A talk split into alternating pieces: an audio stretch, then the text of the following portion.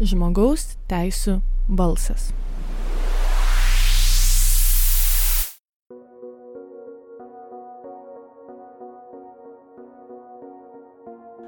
Labas, čia Start FM radijas 94,2 FM Vilniuje, žmogaus teisų balso laida ir e, aš jos vedėja Marija. Turbūt pastebėjai, kad laidos laikas pasikeitė ir e, dabar mus gali išgirsti kas antrą antradienį, penktą valandą ir šiuo laiku mes keičiame su savaime nesuprantama laida. Uh, šiandien man norisi savęs ir tavęs paklausti, ar mes suprantame, kad lyčių diskriminacija, lygybės nebuvimas tarp lyčių, uh, klišės sukonstruotos lyčių pagrindų yra žmogaus teisų pažydimas. Tad šiandien ir laida būtent apie tai - lyčių diskriminacija ir žmogaus teisų pažydimai. Galvodama, uh, ką šiandien pasikviesti į svečius, supratau, kad turiu kviesti būtent tos žmonės, kurie su šiais pažeidimais dirba kasdien ir daro viską, kad tokių prasižengimų nebūtų. Kitaip tariant, kovoja už tai, kad mūsų visuomenė gyventų visiškai pilnavertišką gyvenimą. Tad sveikinuosi šiandien su Lilija Hendrika Vasiliauskė, asociacijos Vilniaus moterų namų vadovė. Sveiki, Lilija. Sveiki ir Gedrė Šemytė, kuri yra mano kolegė ir aktyviai dirba su žmogaus teisėmis ir yra mano kolegė jau ką ir pasakiau du kartus. labas, labas, labas. Gerai, tai uh, gal jūs uh, pradžioje uh, ir prisistatykite, uh, labai trumpai papasakokite Liliją jūs pirmiausia apie uh, Vilniaus moterų namų asociaciją bei apie pačią save. A, tai Vilniaus moterų namai, kaip jau ir seka iš pavadinimo, yra moterų nevyriausybinė organizacija. Yra įdomu turbūt tai, kad Vilniaus moterų namai kaip organizacija kilo iš neformalios moterų grupės, kuri pradėjo rinktis 1990 m. rudenį mano svetainėje ir kartu su atgimimu. Oho, taip. Geras. Taip. Jūs kaip sajudėtas. Iš principo taip, tai taip. buvo moterų sąjūdžio iš tikrųjų kažkokia pradžia. Taigi, ir mes tri, trejus metus kalbėjomės apie vaičius įvairiausias moteriams svarbius klausimus. Ir galų gale mes užkliuvom už temos vyrai mūsų gyvenime ir iš čia netikėtai visoms išsirutuliojo klausimas apie smurtą prieš moteris. Mhm. Šeimoje, visuomenėje, intimiuose santykiuose ir panašiai. Ir tuomet, reiškia, jeigu taip iš, iš, iš, pat, iš pat pradžių, tai mes pradėjom domėtis to, kasgi tokią pagalbą teikia. Ir čia mes atradom, kad niekas neteikia tokios pagalbos Lietuvoje. E, tai, tai buvo impulsas e, e, registruoti organizaciją. Ir 93 metais, 1993 metais mes registravom būtent asociaciją Vilniaus moterų namai. Ir nuo pat pradžių buvo keletas veiklos krypčių, buvo kultūrinė tokia labai įdomi ir svarbi ir daug dėmesio sulaukusi Vilniečių tarpe, bet taip pat, reiškia, visada buvo klausimas apie tai, kaip įsteigti krizių centrą teikianti specializuotą būtent pagalbą šitai tiksliniai grupiai smurtą ir prievartą patiriančioms moteriams. E, taip jau reikalai klostėsi, kad 1995 e, metais man e, pavyko nukeliauti į Pekiną, į ketvirtąją pasaulinę jungtinių tautų konferenciją moterų klausimais. Ir šitą savo idėją vienam iš ten vykusių seminarų paskelbti. Ir vėlgi pakankamai netikėtai prie manęs prie šiaurės šalių moteris ir pasakė, kad mes jums padėsim. Vėlgi pasakė ir pasakė, išsiskirstėm, tačiau būtent ten buvo visų praktiškai šiaurės šalių moteris, kurie mus labai parėmė ir patvirtino, kad puikiai dėja, bet atvažiavo pas mus Norvegijas. Ir būtent kartu su Norvegija mes parašėm pirmąjį projektą, mus parėmė Norvegijos vyriausybė. Tik prašom negalvoti, kad čia buvo nu, nuostabi sėkmė, nes tai buvo paskutiniai to projekto metai, praktiškai pusantrų metų buvo likę to bendradarbiavimo projekto tarp Norvegijos vyriausybės ir Lietuvos. Ir pinigai ten buvo labai nedideli, bet tai mus pakabino būtent šitas mhm. iššūkio grantas, tai kad mumis pasitikėjo Ir tai, kad mes pradėjom, kad susirinko didelė grupė savanorių, kad iš tikrųjų buvo tokia, toks pakilimas. Ir taip pat ir Danijos moteris mus labai parėmė, mes išvykom į studijų vizitą, pamatėm, kaip ten veikia visa tai. Taigi mes kažkaip vis dėlto pasilikom ir vegetavom ir buvo labai sunku, tais laikais dar mhm. netgi iš tikrųjų ir su projektais buvo sunku. Čia 90-ieji, reikia tai prisiminti. Taip, mhm, 90-iniai ir netgi pradžia 2000-ųjų. Ir tik tai, sakykime, taip tiesiai, kuomet mes pačios jau e, vėl mes buvom įsijungusios į e, kitą tarptautinę moterų organizaciją Veiva, Women Against Violence Europe, tai yra moteris prieš smurtą Europoje, čia ofisas Vienoje.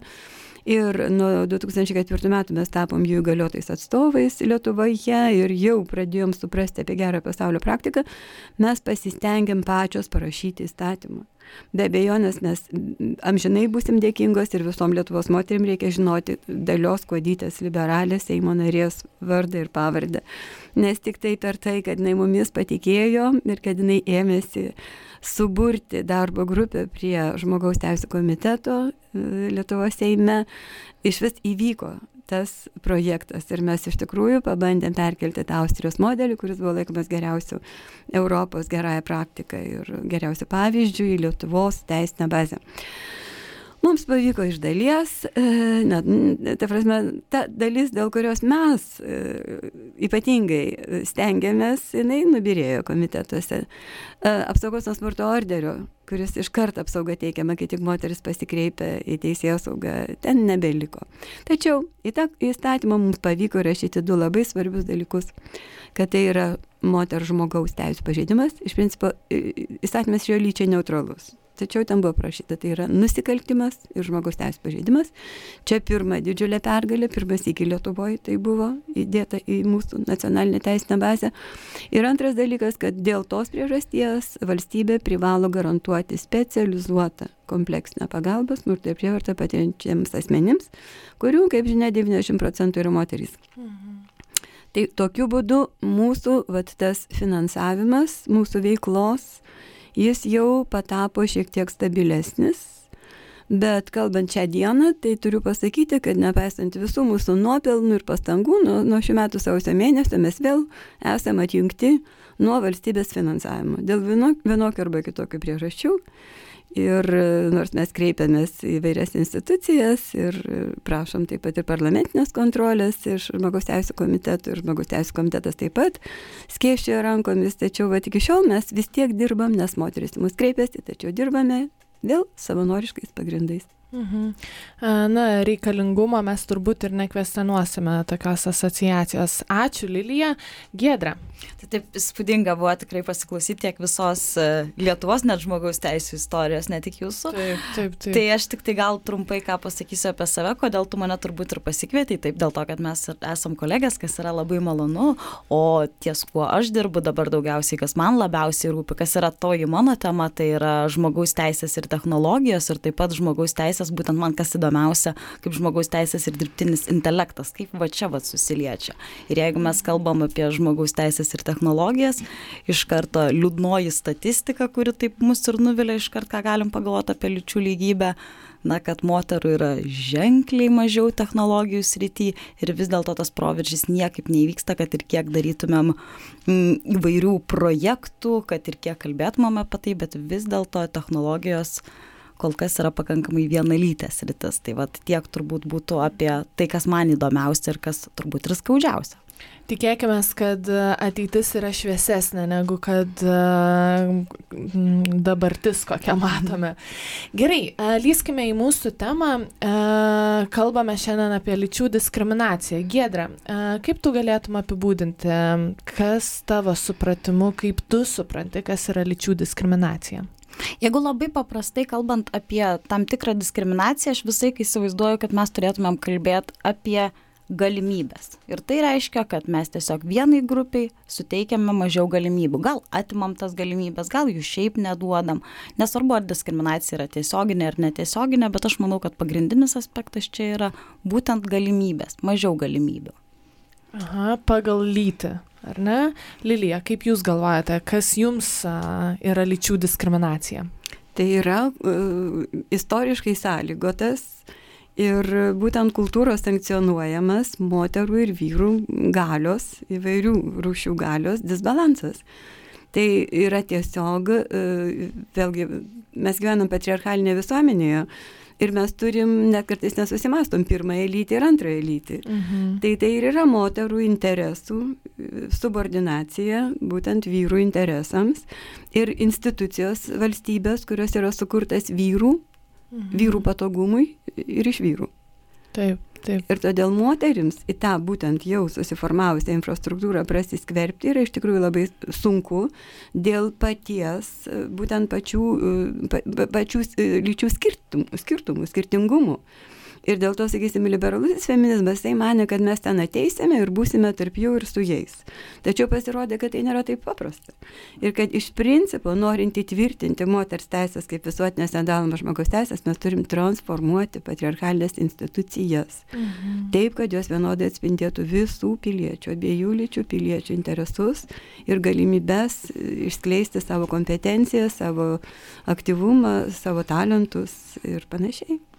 E, gerai, tai e, Lilija, galbūt galėtumėte tada praplėsti ir Kaip galvojate, kokiais būdais žmogus gali patirti diskriminaciją lyties pagrindu, bet galbūt galėtume paliesti ir moteris, ir vyrus, nes turbūt ir vyrai irgi e, patiria lyčių diskriminaciją be abejonės. E, sunku pasakyti, ką mes tai vadinsime. Sakysime, 2 procentai vyrų taip pat patiria savo partnerių stoktinių smurtą. Tačiau tai nelaikome su lytimis susijusios smur, su smurtu, kadangi jeigu pasikreipia vyras, visos institucijos reaguoja hiperergiškai. Tai jau visi sulėkė ir visi supranta ir visi padeda ir visi remia. Bet, Todėl, um, atsiprašau, Lilija, bet galbūt uh, jeigu, tarkim, uh, uh, vyras patiria smurtą, smurtą iš partnerės, man atrodo, čia dėl to taip greitai sureaguoja, dėl to, kad tai yra neįprasta.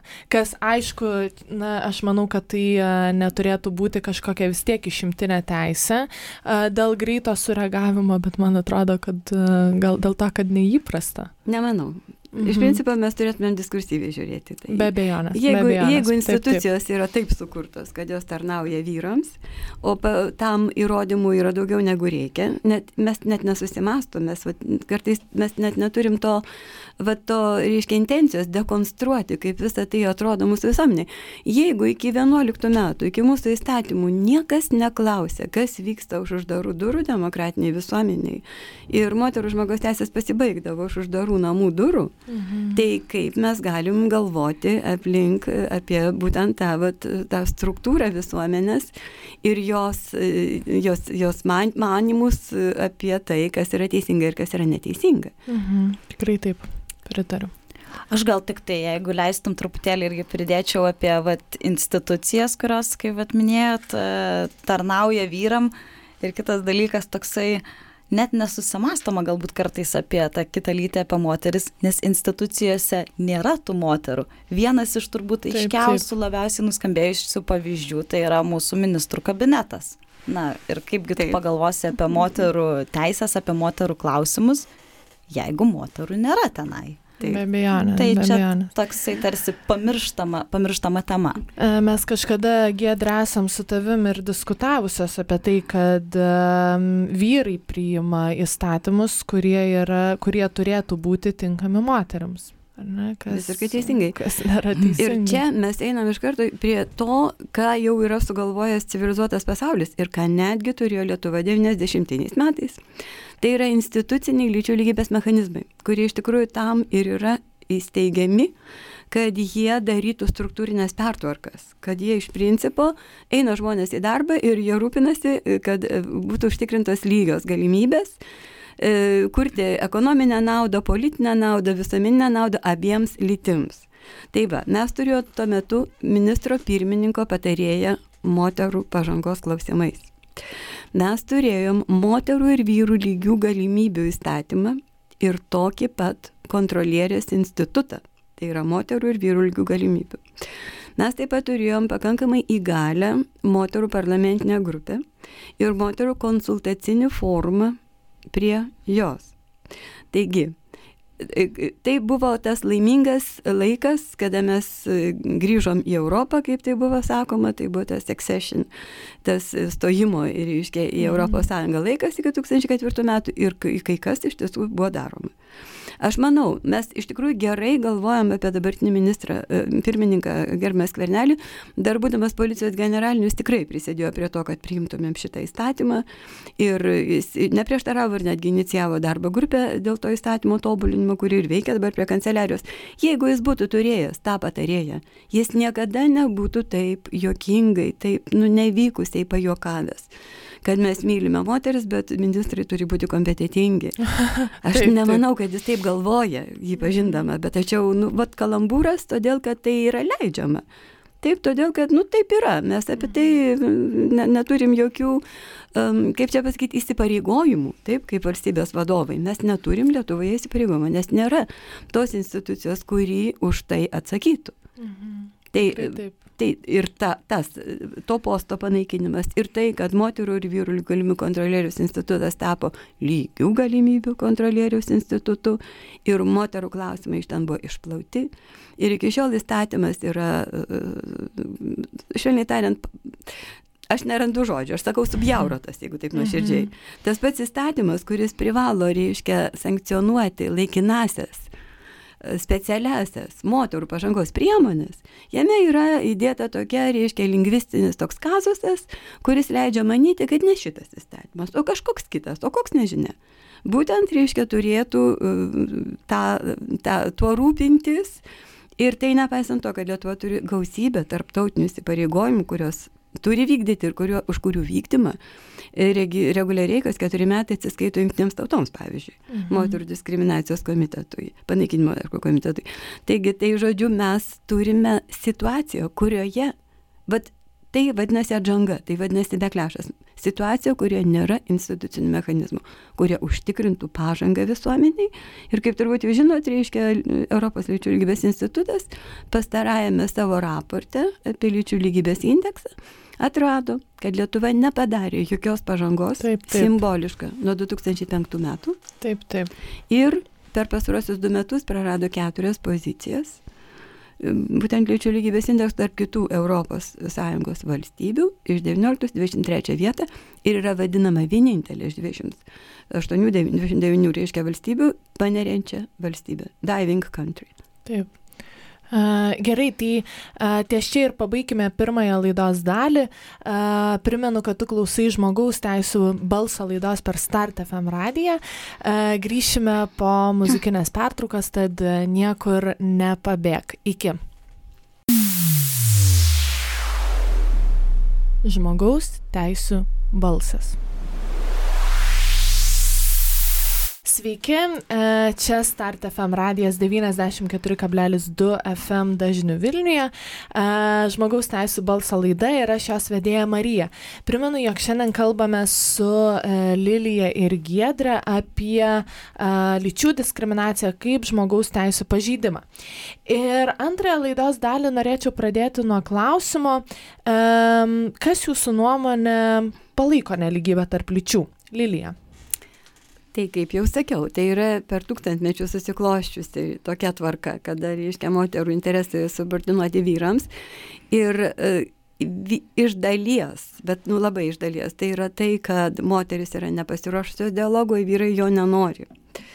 Ir tuo met, kada kyla tos didžiulės feminizmo bangos, mes jau turėjom dvi, tris, kaip, kaip skaičiuot. Tuo metu moteris tarsi atranda vieną balsą ir tada jų balsas tampa girdimas. Tačiau vėlgi tas pats patriarchatas, kuris adreso neturi, bet yra be galo realus, jisai pasistengia jas išskaidyti, tą vieną balsą, reiškia, supriešinti vienokiu arba kitokiu būdu. E, tai periodiškai vėl nuslūksta ir taip sakoma, kad kiekviena moterų karta pradeda iš naujo. Ir užtat jaunoms moteriams ypatingai yra svarbu suvokti, kad nieko nėra duota visiems laikams ir savaime suprantamai. Ir kad ne tik tai nėra duota, bet dar gali būti labai lengvai atimta. Kaip aš jau sakiau, kad dalykai, kurie atrodė jau atsirado ir jie toliau bus, jie iš principo nepastebimai buvo išplauti iš mūsų mhm. visuomenės gyvenimo. Taip, taip.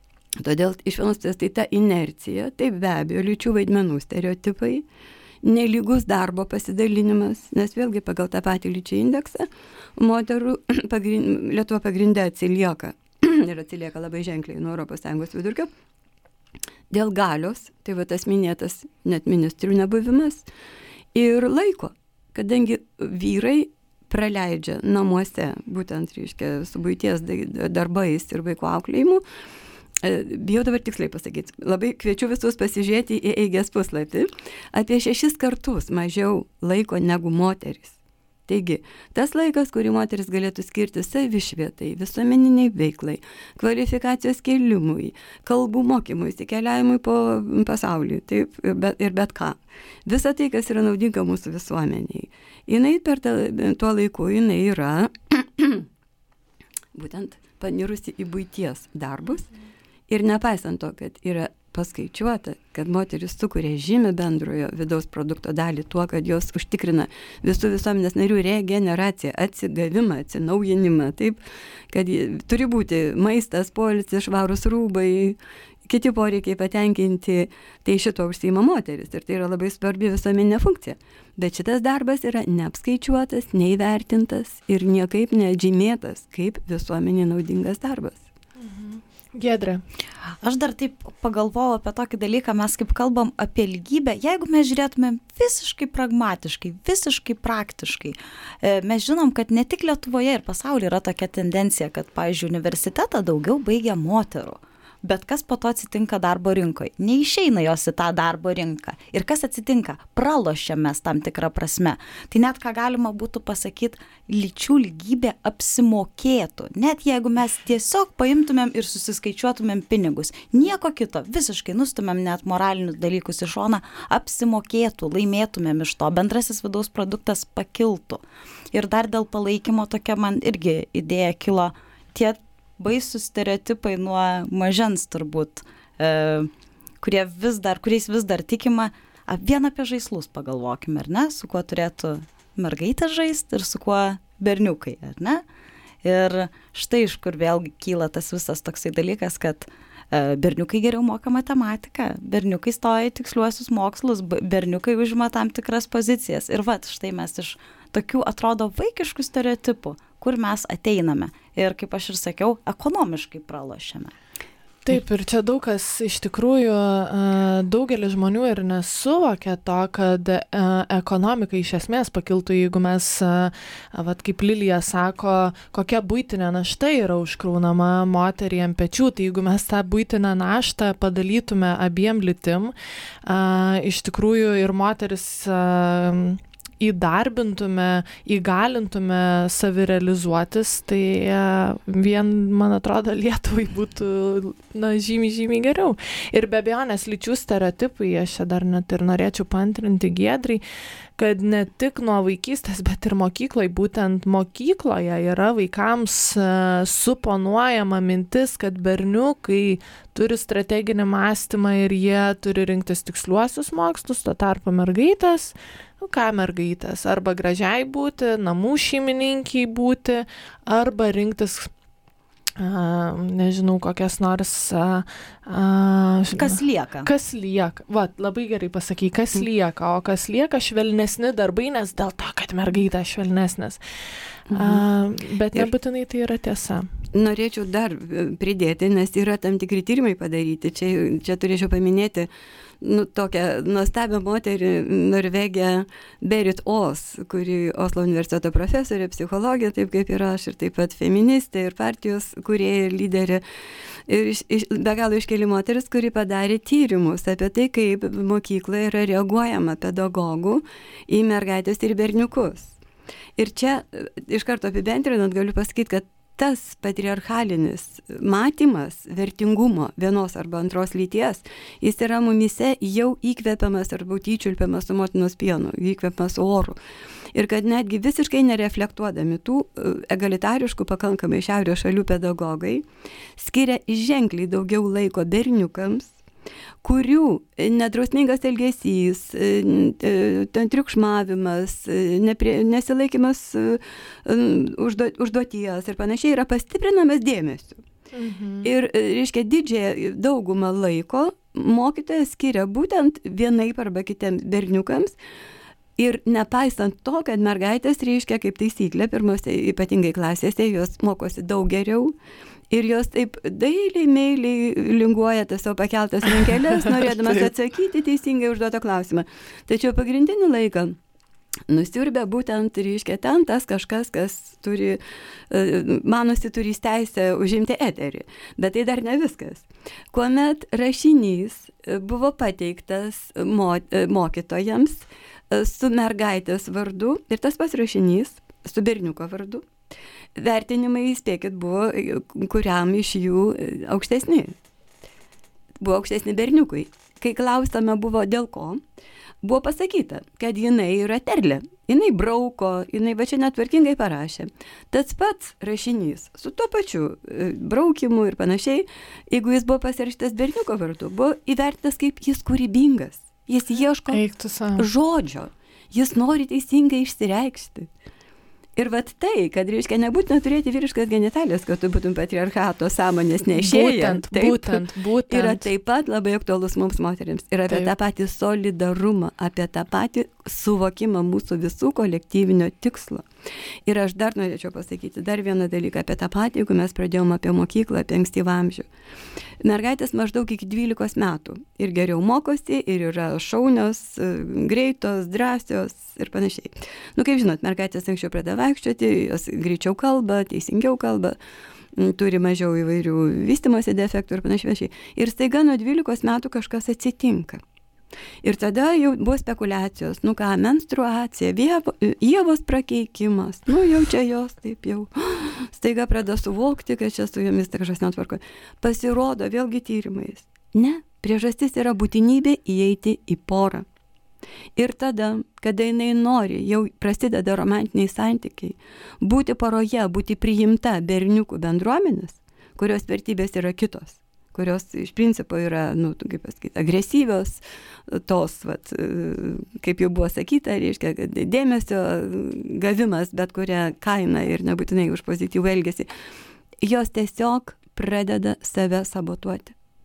Ir iš vienos pusės, ir moterų mūsų visų, bet tas nesolidarumas ir tas agresijos nukreipimas viena į kitą yra tūkstančių metų smurto patirtis ir baimė jo Ir taip pat baime, kad patriarchalinė visuomenė nuo pat pradžių, nuo pirmųjų tų romantinių santykių mus atmes. Kad mes per daug protingos, per daug smarkios, per daug greitos, per daug savarankiškos. Ir mums reikia ieškoti, kaip ir tada prasideda tas kūrybingumas, kuris galėtų nukreiptas būti į pozityvius dalykus, būna nukreipiamas į tai, kaip prisitaikyti, kaip užsimaskuoti. Mhm ir, ta prasme, ir kaip vis dėlto laimėti kažkokią tai tą savo dalį šitame priešiškame, jeigu taip tiesiai pasakysi, bent jau mums netinkamame ir mums nepritaikytame vyrų, šiuo atveju berniukų pasaulyje. Mhm. Aš dar prie solidarizacijos Taip. norėčiau tokį pridėti dalyką, iš karto turbūt prisiminiau ir turbūt jūs abi irgi nekartą tą esat girdėjusios, kai pavyzdžiui, du, net ir nemažai moterų sako, kad na, geriau krašto apsaugos ministras būtų vyras, jau vis dėlto kažkaip gerai, tai tos solidarizacijos tarp mūsų, tarp mūsų pačių nėra. Labai, labai gera, liūdna ir taikli pastaba. E, taip, čia man labai patiko Lilijos išsakyta mintis, kad e, patriarchalinė visuomenė nebūtinai yra vyriška. Mm. Ja palaiko ir moteris. E, pasakykite man, kaip galime mes visiškai, pavyzdžiui, na, paprastam žmogui paaiškinti, kad lyčių diskriminacija, lyčių net stereotipai, gal čia net norėčiau pabrėžti, kad būtent lyčių stereotipai yra žmogaus teisų pažeidimas. Giedra, kaip tu galvoji? kad būtų taip paprasta pasakyti, bet aš kaip ir, kaip, kaip ir sakiau, e, man ir žmogaus teisės ir apskritai, kai kalbam apie diskriminaciją, man tai asocijuojasi su galimybėm. Ir jeigu mes kalbam apie lyčių stereotipus arba tam tikrą lyčių neligybę, kiek sferų mes sumažinam tam tikrai lyčiai, kiek mes atimam, kad ir teisė į privatų gyvenimą, o privatus gyvenimas kas yra? Pavyzdžiui, darbas. Tai įvairių sričių, tarsi įvairiose sritise žmogui yra suvaržomos tam tikros teisės, galimybės, jisai nustumiamas atgal. Tai štai, va, tai prisijęsi. Ir koks yra liūdnas dalykas, tai yra ne vienas rytis. Tai reiškia, kad lyčių neligybė e, paliečia ne tik vieną sritį. Nes dažnai, pavyzdžiui, yra kalbama tik tai, nežinau, tarkim, apie darbo užmokestį, o visi kiti dalykai. Juk smurtas artimoje aplinkoje irgi nekyla šiaip savo iš niekur. Juk tai irgi yra lyčių neligybės pasiekmė. Taip, apie smurtą artimoje aplinkoje mes dar tikrai pakalbėsime. Lilija, kaip jūs galvojate, kaip jūs paaiškintumėt paprastam žmogui, kad lyčių stereotipai, pavyzdžiui, yra žmogaus teisų pažeidimas? Pirmiausia, turbūt reikia prisiminti, kad tai tikrai labai nesenas diskursas, tik vienos pasaulinė, jungtinių tautų vienos konferencija E, žmogaus teisų klausimais 1923 metais paskelbė, kad moters teisės yra visuotinės ir nedalomos žmogaus teisės. Mhm. Taigi iš tikrųjų dar yra didžiulė kultūrinė inercija ir mūsų protų mhm. inercija. Ir daugelį dalykų mes priimam kaip savame suprantama, iš vienos pusės todėl, kad nesusimastom, iš tos pusės, kaip jau sakiau, tūkstantmetės smurto ir atstumimo baime ir net jo patirtis. Tai, tai kad mes judam link to ir kad mes keliam tuos klausimus yra sunku, yra nesavaime suprantama ir atkreipkite dėmesį į pastaruo, pastarųjų metų įvykius. Mitų judėjimas pakilo Lietuvoje ir buvo užgesintas. Ir buvo mhm. vėlgi grasinimais, teismais, šmeištais ir iš principo smurtautojai, kurie aš net negaliu įsivaizduoti, kaip, reiškia, žmo, žmonės, apie kuriuos buvo išviešinti tokie dalykai, grįžo atgal į savo pozicijas, toliau mokyti jaunuomenę ir panašiai, panašiai. Mes esam sąlygojami, tiesiog aktyviai sąlygojami, panaudojant vat, visuomenės tos institutus, sąlygojamos tam, kad mes nekeltumėm tų klausimų, kurie yra kurie yra nemalonus ar kažkaip, čia kitokį žodį reikia sakyti, vyrams. Taigi, vat tas programavimas sąmonės, kad reiškia, tai yra taip ir jeigu tu bandysi pakeisti, tai bus iš tikrųjų ir labai sunku, ir labai pavojinga ir panašiai. Tai, tai mes turim, vis dėlto iš nuostas mes tai turim atsiminti ir žinoti.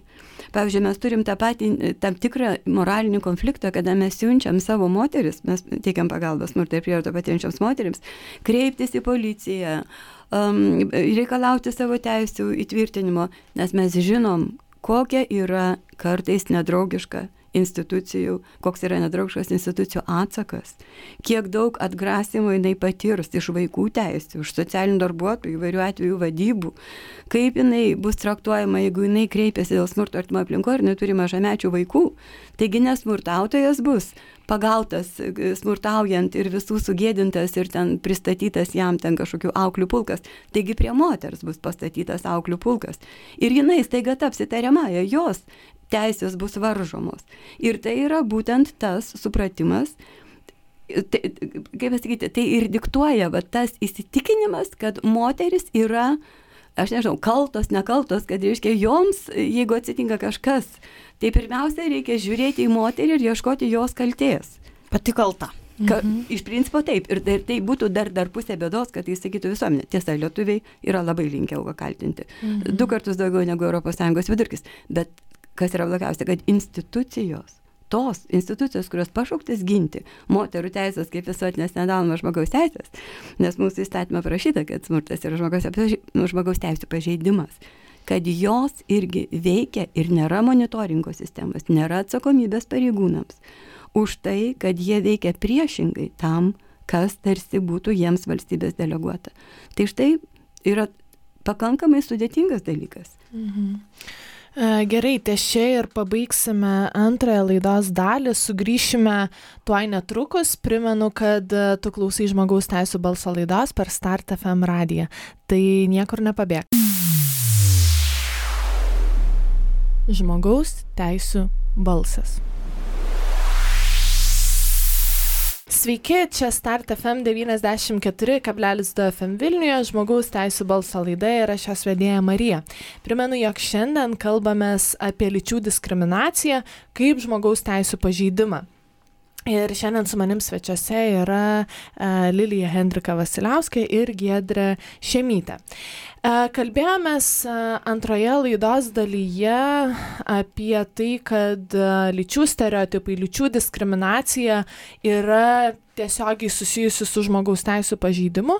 Ir e, trečią laidos dalį jau norėčiau skirti smurtui. E, man atrodo, kad smurtas e, lyties pagrindų yra vienas ryškiausių žmogaus teisų pažeidimas, o ir reikia pabrėžti, kad smurtas artimoje aplinkoje vyksta būtent lyties pagrindu.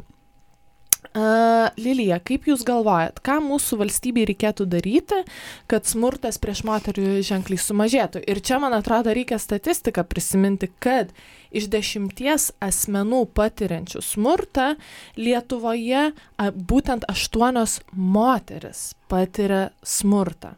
Ar ne? Tai ką mums reikia daryti? Oi, sunkus klausimas čia. Kaip sako, klausimas už tūkstantį eurų. Tai, e, ką mums reikia daryti? Nu, visų pirma, jeigu taip labai provizoriškai ratifikuoti Stambulo konvenciją. Kodėl? Taip, būtent nuo to reikėtų taip, pradėti. Taip, kodėl? Nes tai yra paruoštukas. Mhm. Tai yra viskas ten surašyta ką turėtų daryti, kaip turėtų galvoti, kaip turėtų saveikauti valstybės institucijos ir kaip mes turėtume žvelgti į šį fenomeną ir kaip mes turėtumėm traktuoti aukas ir smurtautojus ir nevyriausybinės organizacijas, tokias kaip mes, kurios ir iškėlė visame pasaulyje šią, šią problemą iškėlė moterų grupės, moterų nevyriausybinės organizacijos. Ir visus įstatymus parašė, kaip ir Lietuvoje, moterų grupės, moterų judėjimai ir ta pati Stambulo konvencija yra didelė dalim yra būtent Veivo, tai yra Women Against Violence Europe, to bendradarbiavimo tinklo, dabar jinai asociacija registruota, produktas, veiklos produktas. Tai tam, kad mes iš tikrųjų pamatytumėm, kad atsirastų pasaulyje žiūrinis pagrindas, kuris apjungia įvairių institucijų tokias dabar prieštaringas netgi pastangas, kadangi šiaip ir taip Lietuva turi tarptautinių įsipareigojimų, jinai bando bent jau rodyti, kad kažką daro dėl smurto prieš moteris. Ir įvairios institucijos šoka kaip moka. Pavyzdžiui, visai nesenai darbo grupėje prie ministro pirmininko kanceliarijos girdėjau, kaip sveikatos ministerija, kuri matomai gyvena menulyje ir nėra susipažinusi su Lietuvos politika, nusprendė, kad tai yra psichikos sveikatos problema. Į mano klausimą, kieno? Aukos ar smurtautojo? Man taip ir neatsakė, greičiausiai aukos. Nes jie nusprendė, kad jie pagalbą teiks, reiškia, stiprindami psichikos sveikatos paslaugas. Kai tai yra totaliai, visiškai, absoliučiai nesusiję, kaip aš jau sakiau, tai yra kraštutinė moterų diskriminacijos forma. Tai yra jėgos ir galios disbalansas tarp moterų ir vyrų ir jo pasiekmė už uždarų durų ten, kur visuomenė daugiau mažiau neteina ten, kur yra iš principo du asmenys ir užtat bet kokia sveika visuomenė, jinai visada yra nukentėjusi arba silpnesniojo pusėje. Ir būtent vat, ir tos konvencijos, ir, sakysim, yra aukų direktyva, ir, ir uh, SIDAU, kur yra konvencija dėl visų diskriminacijos formų moteriams panaikinimo, jos visos kalba apie tai, kad šių procesų centre turi atsirasti moterys, jų poreikiai, apsaugos e, ir pagalbos, ir specializuotos pagalbos, ne bendros socialinės, teikimas joms ir kad smurtautojai turi būti deramai baudžiami. Taip ten tai parašyta, tai yra pati humaniškiausia, išsamiausia konvencija, bet ten yra aiškiai parašyta, kad bausmės turi būti adekvačios, nespekuliuojant, kaip dabar, sakysim, tuo Tauragės Jurbarko atveju, mhm. apie tai, kad vaikai, vaikai, vaikai. Dabar kažkur turi būti tas dugnas, tas bottom line, tas kažkas, kurioje viet, kur būtent tas su lytimi susijęs smurtas. Smurtas lyties pagrindų turi būti įvardintas kaip tai, kas yra absoliučiai nepriimtina nebespekuliuojant apie tai, kad keturis sunkius nusikaltimus įvykdęs nepilnametis gali toliau būti instruktuotas gerai valgyti, sportuoti, vaikščioti į pamokas ir ten visai kitaip elgtis, neturėdamas jokių pasiekmių dėl savo tokio iš tikrųjų nusikalstamo elgesio. Mhm. Gedra, kaip tu galvoji? Stambulo konvencija vienareikšmiškai, čia vat, labai paprastas vienas iš tų dalykų, nors mažasis žingsnelis. Ir antras galvoju, be viso to, kas jau buvo paminėta, be viso to, e, ką reikėtų atsiminti, švietimas, švietimas mokyklai, net jeigu kalbame apie... Mm, apie smurtą artimoje aplinkoje, apskritai apie smurtą, reikia nepamiršti, kad jau ir mokykloje turime kalbėtis apie tai, nes vad kas atsitinka ir ši paminėta istorija, ką liečia, tai liečia du asmenis, kurie yra iš mokyklos jaunų žmonės. Tai ar nespėta pakalbėti, ar nespėta edukuoti, faktas, kad kažkokia praraja yra būtent jau švietime.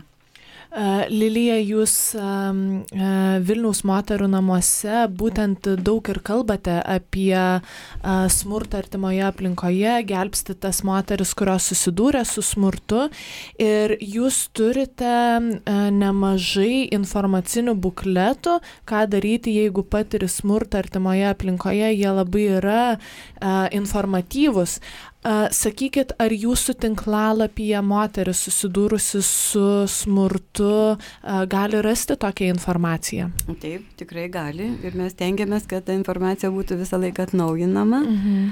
Ir ten galima rasti ir tokį labiau asmenišką kreipimąsi, tas mūsų lankstinukas mėloji, taip, apie pabėgimą iš Velinveržio pilies, bet galima rasti ir labai techniškos informacijos jūsų teisės prasidėjus iki teisminiam tyrimui. Taip, taip. Aš kai varčiau tuos bukletus, tai juose iš tikrųjų yra paaiškinama nuo A iki Z, ką reikia daryti. Net, man atrodo, jūs būtent ta, tame pabėgime iš Melimbarždžio pilies, jūs net surašote maždaug, kad ir nepamiršk dantų šepetuką įsidėti ir drabužius pasiimti ir turėk kur pabėgti. Žodžiu, noriu jūs pagirti, nes iš tikrųjų reikia to tokios informacijos mūsų moteriams. Ačiū, ačiū už gerą įvertinimą, bet turbūt truputį pasenusi versija, nes dabar mes jau rašom, kad kreipkis į specializuotos pagalbos centrus mhm. ir be abejo tuo metu, kai betarpiškai grėsia pavojus gyvybė ir sveikatai, žinoma, kad daryk viską, kas reikalinga, kad išgelbėtum save ir vaikus, kol būsi saugio vietoje, be abejo, nes. Tačiau iš principo dabar jau ten akcentas yra apie tai, kad yra tokios institucijos, šiaip ar taip, mūsų valstybės samdo mus specializuotos pagalbos centrus iš viso 17 per visą Lietuvą, kurių pareiga yra būti moters pusėje, atstovauti jos interesus, padėti jai tvarkyti dokumentus, paaiškinti mhm. ją institucijų praktikas, padėti praeiti tą tikrai nelengvą kelią, kaip aš jau sakiau, kad, kad jinai vis dėlto pasiektų to savo pažeistų žmogaus teisų tvirtinimo ir saugumo nuo smurto savo ir vaikams. Mhm. Aš Marija irgi norėčiau kai ką pareklamuoti, nes irgi labai pritariu, kad reikia informacijos, reikia žinot, kur kreiptis. Tai vienas iš tokių įrankių, kurie irgi galėtų padėti, tai ir žmogaus teisų balso e, koordinuojamas vienas iš tokių tarptautinių projektų, tai yra žmogaus teisų gidas, kur yra paprastais žodžiais pasakyta, kur galima kreiptis, jeigu tavo teisės pažeistos, institucijos, įstatymais, kuriais pasiremta, bet toks, tokia tarsi lengva, paprasta forma. Tai aš manau, kuo daugiau tų įrankių, tuo mums visiems yra geriau. Nes kartais, kai esi toj blogojoj pozicijoj, jautiesi labai vienas, net nežinai, kur kreiptis. Mhm. Va čia yra labai didelė bėda. Ir kuo daugiau mes kartu visi dirbsim, dalinsimės įrankiais, tuo bus paprasčiau. Nes dažniausiai, kol nesusiduri su problema, net nežinai turbūt, kad yra tie specializuoti centrai. Be abejonės. Taip, um, aišku, mes čia jau palėtėme Stambulo konvenciją, kuri, na, uh, šiais metais, man atrodo, buvo labai keliama į paviršių, ne šiais 2019 metais, ar ne, labai keliama į paviršių. Kaip galvojate, kodėl kyla tiek daug ginčių dėl Stambulo konvencijos ratifikavimo, Lilija? Pasakysiu radikalų dalyką, bet aš esu įsitikinus, kad tai taip yra. Tai yra vienas iš propagandos ir tų netikrų naujienų taikymo būtent atvejus. Mhm. Atkreipkite dėmesį, iš kur kyla, iš konservatyvosios Vatikano dalies ir iš Rusijos. Pagrindinis tas koordinuotas veikimas diskredituojant Stambulo konvenciją. Ir tai yra tipiškos tos false news. Dėl to, kad e, nutylimas turinys, turinio niekada necituoja, mhm. yra e, būtent pasėjamas, e, stengiamasi pasėti, reiškia paniką, būtent apeliuoti į pačią konservatyviausią visuomenės dalį. Ir iš principo tai yra melas, tai yra melagingi dalykai, kuriuos, kuriuos akcentuoja būtent tas vieningas propagandinis blokas kuris veikia visoje Europoje, koordinuotas bandydam ir iš principo tai yra smūgis prieš moterų žmogaus teisės. Mhm. Nes aš kaip jau sakiau, kad moteris sulaiko nuo jų teisų gynimo būtent smurto baime ir tūkstantmetio smurto patirtis. Ir užtat daleisti kad visuomenė visa būtų teisingai informuota, kad institucijos būtų koordinu, veiksmai institucijų koordinuoti, kad būtų teisingas pasaulio žiūrinis pagrindas, kad būtų iš principo įgyvendinama ta vat, politika oficialioji Lietuvos, kurios nu, jinai yra, bet nedaug kas, netgi institucijos, kaip girdėjote apie sveikatos ministeriją, ją įgyvendina ir ją netgi žino. Tai vad tai ir yra tas tikslas. Iš principo pasėti protuose tą abejonę apie tai, kad galbūt čia yra kažkokia tai ypatinga grėsmė, nežinia kam, nežinia kaip. Bet iš principo tai yra, aš jums tikrai atsakingai sakau, kadangi vienas iš svarbiausių turbūt mūsų organizacijos veiklų buvo irgi viešos akcijos, tai Step Up kompanija kartu su Veivu, reiškia, ratifikuokime Stambulo konvenciją. Mes esam gerai įsigilinusios į jos turinį. Mes netgi platinam vėlgi tą informaciją, tą santrauką tos konvencijos, kurioje viskas yra apie moterų žmogaus teisės, apie smurto prieš moteris įveikimą. Ir nieko yra, nieko praktiškai, nieko nėra to, ką propaganda bando mums sakyti. Apie Stambulo konvenciją aš irgi tik norėčiau prisidėti dar tiem, kurie galbūt abejoja, neturi žinių. Gal paprasčiausias būtų dalykas patį tekstą susirasti ir teisinio dokumento perskaityti. Jis nėra toks sudėtingas, jis nėra tiek stiprus teisinė prasme, na, kad, kaip sakoma, tik teisininkai galėtų suprasti. Tai e, galbūt kartais to ir užtektų, jeigu yra abejonių, tiesiog e, tam, kad e, neprisiklausyti neteisingų interpretacijų arba galų gale turėti savo nuomonę, e, pasitelkti kritinį mąstymą, tiesiog perskaityti tekstą, įsigilinti, kągi sako ta Stambulo konvencija. Ir neilgas tai dokumentas. Ir tai galima rasti mūsų mm. tinklalapyje taip pat. Ir yra tikrai mm. oficiali versija, kiti savo, kad nėra vertimo oficialaus, taip jis yra. Ir jį galima rasti mūsų tinklalapyje. Um, galime dar čia panagrinėti šiek tiek tą pačią Stambulo konvenciją. Um, nežinau, gal ir klystu, bet man atrodo, kad Stambulo konvencija kalba apie smurto prevenciją, kas iš, kas iš esmės ir yra svarbiausia o ne susitelkti jau į pasiekmes. Aišku, pasiekmes yra nepaprastai svarbu, bet galbūt mums kaip tik ir reikia tokio dokumento, ne galbūt, o mums ir reikia tokio dokumento, kuris kalbėtų apie, apie prevenciją jau uždraudžiant smurtą. Ar ne? Matot, ten e, vieną dalyką mums reikia žinoti. Jeigu mes jau išskleidėm šitą diskursą, kad tai yra jėgos ir galios disbalansas, kad smurtaujame todėl, kad galima, todėl, kad institucijos iš principo netgi remia smurtautojus, nors deklaruoja, kad yra kitaip. Tai mes turim suprasti, kad geriausias, geriausias smurto prevencija yra moterų įgalinimas kad mhm. būtent aukos sustiprinimas, vienareikšmiška visuomenės parama aukai yra didžiausia ir efektyviausia smurto prevencija. Tai iš tikrųjų yra taip.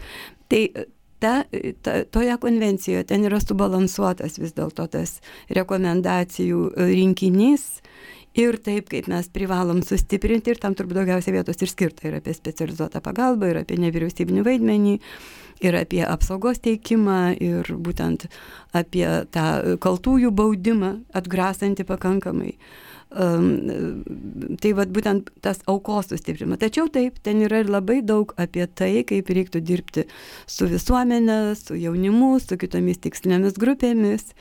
Tai aš manyčiau, kad jinai yra vertinga abiem prasmėm. Tiek, kad, pasiekmėmis, tiek pasiekmėmis ir tiek prevencija, taip?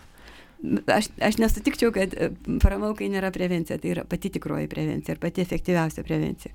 Ir taip kaip mes matom, kaip mūsų moteris startuoja iš mūsų rankų, kurios ateina absoliučiai baugintos ten, iš principo užpjudytos vaikų teisų, ten atvejo vadybininkų, policijos. Ir kokios jos iš mūsų išeina, nes mūsų pagrindinė mitologema yra moterų pilietinis įgalimas išaiškinimas jos, jos teisų ir paskatinimas jomis naudotis. Ir aišku, prieimimas dalies to abrazyvaus institucijų veikimo, tas nusutarpinimas, tas tarsi buvimas buferių tarp moters ir teisės saugos, tarp moters ir vaikų teisų. Taigi visa tai, kas galina moterį pasijusti vėl visą vertę visuomenės narė, pilietę, yra geriausia prevencija ir jos, ir jos vaikams. Nes čia dar irgi vienas momentas, kurį norėčiau pasakyti, kad e, vaikai neša į kitą kartą į savo šeimas, šei, savo tėvų šeimoje matytą smurtą. Tačiau mažiau yra žinoma ir mažai apie tai kalbama, kad vienu vieninteliu atveju šita, šitas dėsningumas negalioja. Tai yra tuo atveju, jeigu vaikas mato, kaip visuomenė paremė jo motiną, kaip visos institucijos, kurios prisideda, kurios yra pakviečiamos, yra vienareikšmiškai silpnesniųjų, tai yra jo ir jo motinos pusėje. Ir jeigu jis pamato, kad teisingumas yra, tai ta vaikystės patirtis, liūdint smurtą arba jį patiriant, jinai yra konvertuojama į aktyvę pilietinę poziciją. Todėl ir dar kartą sustiprinkime smurto auką nuimkime nuo jos tą valstybės institucijų, tą institucinį smurtą, kuris dabar yra netgi įstatymais pastarųjų metų sankcionuotas, kaip po vaiko teisų pagrindų įstatymas, kurį mes kritikuojam ir pagristai kritikuojam. Ir taip pat yra mediacijos įstatymo pataisos, kad dabar pas mus įsta, būtent viešoji paslauga tampa į įstatymą įdėta kaip privaloma, kas prieštarauja demokratinės visuomenės principams. Taigi iš principo mes susitelkim ties to, kad moters teisės yra visuotinės, tai nedaloma žmogaus teisės. Ir kad niekur mes nesidėsim, jokiais, jokiam paskaitom, jokiais bukletais, jeigu, mes, ne, jeigu mūsų tie patys augantis vaikai nematys teisingo pavyzdžio, kaip visuomenė, kaip institucijos reaguoja apgindamos smurtą ir prievartą patiriančias moteris ir jų vaikus. Ir aš dar mhm. truputėlį dar plačiau pasakyčiau, čia ir visos mūsų pilietinės visuomenės tada kyla klausimas, jeigu kalbam apie Lietuvą, yra toks e, pilietinės galios indeksas, stabilus jis Lietuvoje, labai stabilus, be galo stabilus, tik kad labai jau žemas. Tai vat, dar plačiau žiūrint ir šiaip, pilietiniai visuomeniai reikia sustiprėti. Tai reiškia, kad mes jaustumėmės, kur galim kreiptis, žinių mums reikia ir visų pirma, e, kad ir koks stiprus individas mes būtumėm, labai svarbu jaustis ne vienam. Labai labai. Mhm. Taip, čia visuomenės palaikymas be abejonės yra nepaprastai svarbus ir bet kokiu atveju turi, man atrodo, visada savo didžiausią dėmesį skirti švietimui, švietimui, švietimui ir kalbėti vat, apie tokius dalykus kaip apie smurtą artimoje aplinkoje su mokiniais. Ką tik vat, man šovė idėja, kad rytoj turbūt vesiu dešimtokams pilietiškumo pagrindų pamoką apie smurtą artimoje aplinkoje. Kągi, ačiū, kad e, kalbėjote šiandien su manimi, Lilija ir Giedra, ačiū, kad atvykote į laidą. O aš tikiuosi, kad kiekvienas ir kiekviena šiandien po šios laidos įsinešame svarbiausią žinutę kad lyčių diskriminacija, lyčių lygybės nebuvimas, konstruojami lyčių stereotipai yra žmogaus teisų pažeidimas. Todėl visi stenkimės nepažeidinėti tų žmogaus teisų, nepažeidinėkime žmogaus teisės būti savimi, būti pilnavertiškai ir leiskim jaustis jam ar jai vertinga. Šią valandą su tavimi buvo žmogaus teisų balso laida per Start FM radiją 94,2 FM Vilniuje ir jos laidos vedėja Marija. Gražios savaitės. Viso.